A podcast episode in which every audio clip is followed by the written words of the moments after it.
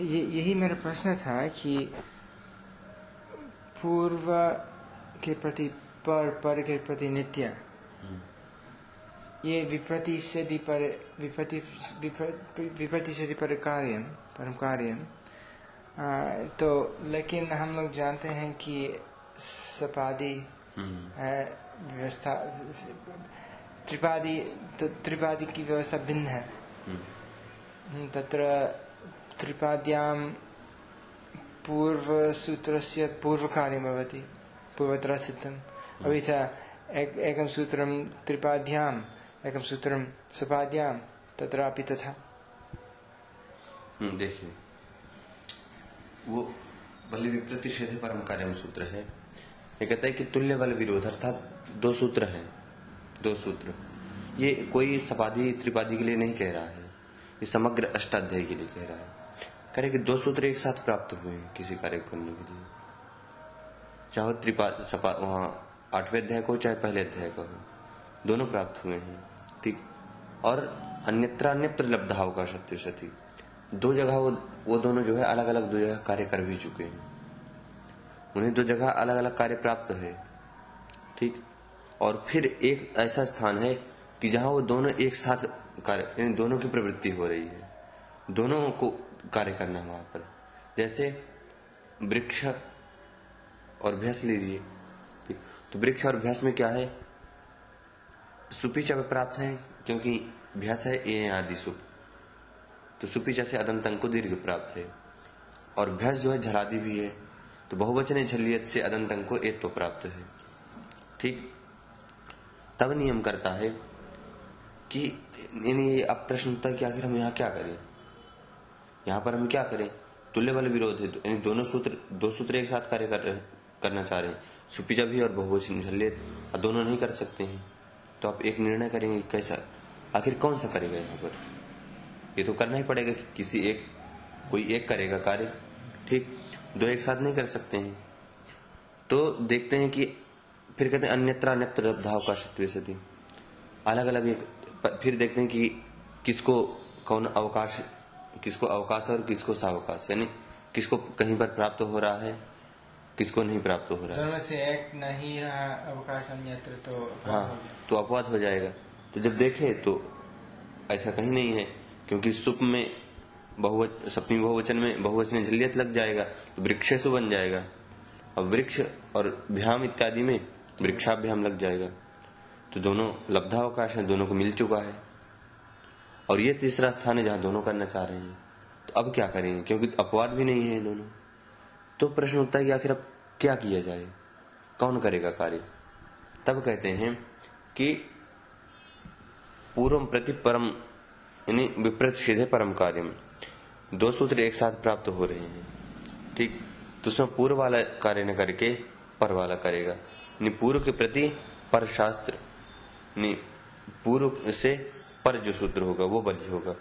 पूर्व पर नित्यम तरंगापवादा नाम उत्तरोत्तरम बलीय। तो पूर्व से पर पर से नित्य नित्य से अंतरंग और अंतरंग से भी अपवाद बलि होता है यानी उत्तरोत्तर बलि होते हैं। ये पूर्व से पर हाँ। वो वही विप्रति से परम कार्य कहता है हाँ। के अनुसार। हाँ। ठीक तो ये हुआ। अब प्रश्न उठता है कि ऐसा पूरी अष्टाध्याय क्योंकि नियम पूरा अष्टाध्याय के लिए है? ठीक। तो कहते हैं फिर कि है तो अष्टाध्याय के लिए। तो अब त्रिपादी में जाते त्रिपादी में सूत्र पूर्वत्र सिद्धम। ठीक। यानी पूर्व अत्र सिद्धम, यानी ये पूर्व की यानी क्योंकि बत्तीस पाद की अष्टाध्याय, बत्तीस पाद की। ठीक। तो उसमें उनतीस पाद जो है, ट्वेंटी नाइन पाद, वो सपादी कहलाते हैं और जो लास्ट के तीन पाद हैं, ये सपादी कहलाते ये त्रिपादी कहलाते हैं। तो सपादी और त्रिपादी ये भेद हुआ। तो अब कहते पूर्वत्र सिद्ध यानी सपादी के प्रति त्रिपादी असिद्ध हो जाता है। इत्युक्ते अगर त्रिपादी कोई कार्य कर चुका है ठीक तो अब सपादी जो है यानी सपादी के लिए वो कार्य नहीं हुआ है। ऐसा होगा। नहीं जैसे सपादी ने कर चुका है हाँ, ये तो एक स्थिति है। हाँ, दूसरी स्थिति है कि अगर प्राप्त होगा हाँ अगर कार्य दोनों। हाँ तो वहाँ भी सपादी करेगा कार्य ये दोनों। यदि वो कर चुका है तो समझ लो नहीं हुआ है। और यदि प्राप्त है तो वो नहीं करेगा, वो करेगा। ठीक? क्यों? जैसे अब अगर उसने कोई लोप किया है, ठीक? जैसे हरि इह, हरि कहते हैं ना? तो हरि इह विसर्ग को या होकर के लोप हो गया। विसर्ग का या हुआ और या का लोप हो गया। तो बच्चा हरि ई। ई और ई, हरि का ई और इह का ई। दो दो सब सामने आ गए। तो अब आकाश वर्ण दीर्घ से दीर्घ प्राप्त हुआ। तो हम देखते हैं कि ये जो या का लोप हुआ है या का लोप, क्योंकि उस लोप के कारण अब वो लोप हो गया, इसलिए यहाँ पर क्या हो रहा है? आकाश वर्ण प्राप्त हो रहा है। अगर वो लोप नहीं होता तो नहीं होता। तब देखते हैं कि आखिर लोप हुआ कहाँ से है? किस सूत्र ने लोप किया है? ठीक? तो उधर देखेंगे कि ये तो त्रिपादी का है। तो कहेंगे तो उसकी जो आकाश वर्ण है तो उसको वो यही कहेगा कि नहीं यहाँ यकार है यकार को लोप कभी नहीं हुआ है। हम्म। उसे तो यकार दिख रहा है। यानी वो जो भी करता है करने जो उसको मेरे लिए तो यकार यहाँ पर बैठा हुआ है।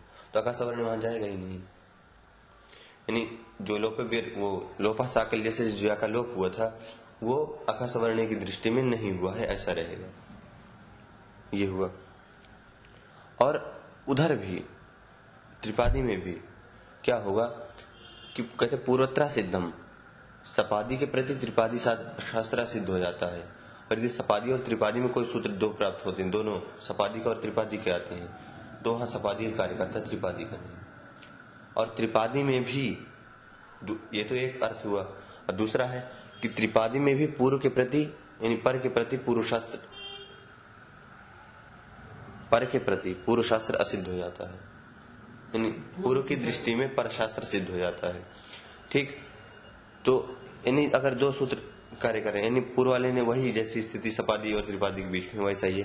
अगर त्रिपादी तीन पादों में भी बाद वाले किसी सूत्र ने कार्य कर दिया और अब उसके बाद दूसरा कोई सूत्र प्राप्त हो रहा है पहले वाला उस, उससे पहला तो वहाँ पर वो नहीं होगा।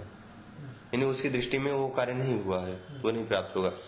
और यदि इनमें भी दो सूत्र प्राप्त हो रहे हैं दो सूत्र एक साथ प्राप्त हो रहे हैं। तो वहाँ पर पहले ही सपादी होगा अरे पहले पूर्व वाला होगा। ये, ये, ये सब ये सब मैं समझ रहा था। हम लोगों ने बहुत बार फ़ोन पर ए, हाँ। इसके बारे में बात की है। और ये पूर्वोत्तरा सिद्धम बहुत संघर्ष करने के बाद ये सब स्पष्ट हो गया। लेकिन इस इस इस पूर्व के प्रति प्रतिशत तो समग्र अष्टाध्याय के लिए है तो तालमेल कैसे होता है? इसका अपवाद है क्या? कौन? पूर्वोत्तरा सिद्धम विप्रतिशादी परिकार में अपवाद है क्या? अपवाद नहीं हुआ एक स्थान बना लिया ना कि अब यहाँ से। आ, आप आप कह रहे हैं कि परिकार समग्र समग्र अष्टाध्याय के लिए ही हाँ, तब? वो उसका अधिकार सब जगह जाता है। परंतु यहाँ पर बीच में आगे पूर्वोत्तर सिद्धम बैठ गया ना तो यहाँ से उसने कह दिया कि यहाँ से अब सपादी के प्रतिपादी सिद्ध हो जाएगा। तो झंझट खत्म हुई तो इधर अब नहीं जाएगा। मतलब विपति से परिकार अपवाद अस्ति न वा?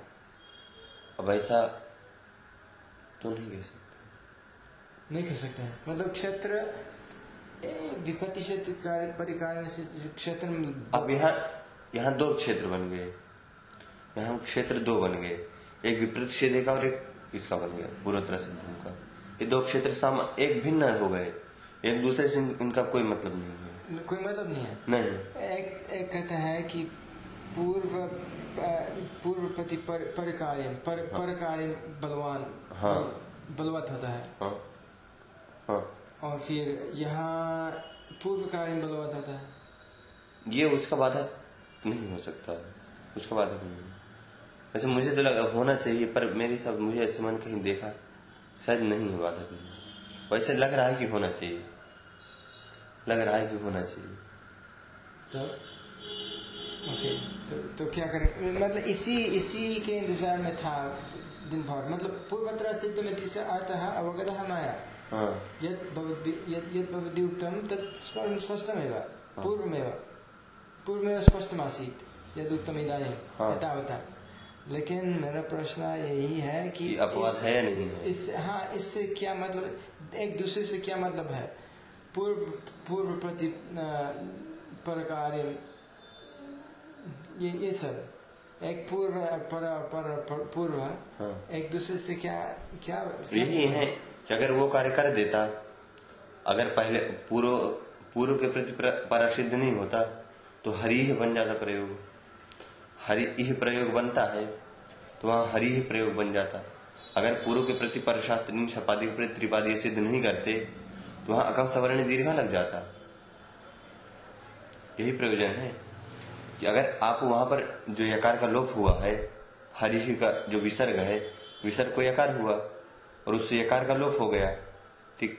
अगर उस यकार के लोप को हम असिद्ध नहीं करते हैं, अगर उस लोप को लोप मान लेते हैं, असिद्ध नहीं करते हैं तो अका सवर्ण दीर्घा हो जाएगा। ई दोनों होके हरी ही बन जाएँगे। अच्छा एक प्रश्न है तब कि असिद्धत्व असिद्धत्व दूसरा सिद्धांत है और बलवत ये कौन सा बलवान ये दूसरा सिद्धांत हाँ। जब असिद्ध बल- हो गया तो बल, कौन सा बलवान इस, इस प्रश्न उठता ही नहीं? नहीं उठता। बलवान का मतलब होता है कि दो प्राप्त हो रहे हैं और उसमें ये जाके कर दिया। दो प्राप्त हैं। तो दोनों एक वो है। तो इसमें जो जाके कार्य कर दिया वो बलवान हो गया। ठीक? अर्थात दो लोग लड़ते हैं। द्वंद्व युद्ध होता है। इसमें तो लड़, लड़ाई होती ही नहीं। वही लड़ाई ही तो वही इस- इसमें इसमें लड़ाई होती ही नहीं। हाँ इसमें नहीं होती है। हो, क्यों नहीं होती है? एक असिद्ध हो जाता है तो हाँ, तो यहाँ सिद्ध सिद्ध नहीं। पर उसके अंदर तो लड़ाई होती है ना। उसके अंदर देखिए दो पक्ष है ना। एक किया हुआ कार्य असिद्ध हो जाएगा और दूसरा यदि प्राप्त हो गए दो सूत्र प्राप्त हो गए तो सपादी करेगा। द्विपादी नहीं करेगा। तो है लड़ाई तो है। किस किसमें लड़ाई है? फिर से दो, दोनों में लड़ाई है दोनों पक्ष में। सपादी के प्रति त्रिपादी असिद्ध होता है। ये पहला है। और दूसरा यदि सपादी और त्रिपादी दोनों एक साथ प्राप्त हो रहे हैं तो वहाँ सपादी करेगा त्रिपादी नहीं करेगा। त्रिपादी तो सपादी बलवान हो गया। नहीं बलवान कैसे? मतलब एक असिद्ध है। असिद्ध है तो बलवान मतलब देखिए असिद्ध का मतलब हुआ कि उसने जो कार्य किया ठीक वो उसकी दृष्टि में नहीं हुआ। ये एक पक्ष हो गया।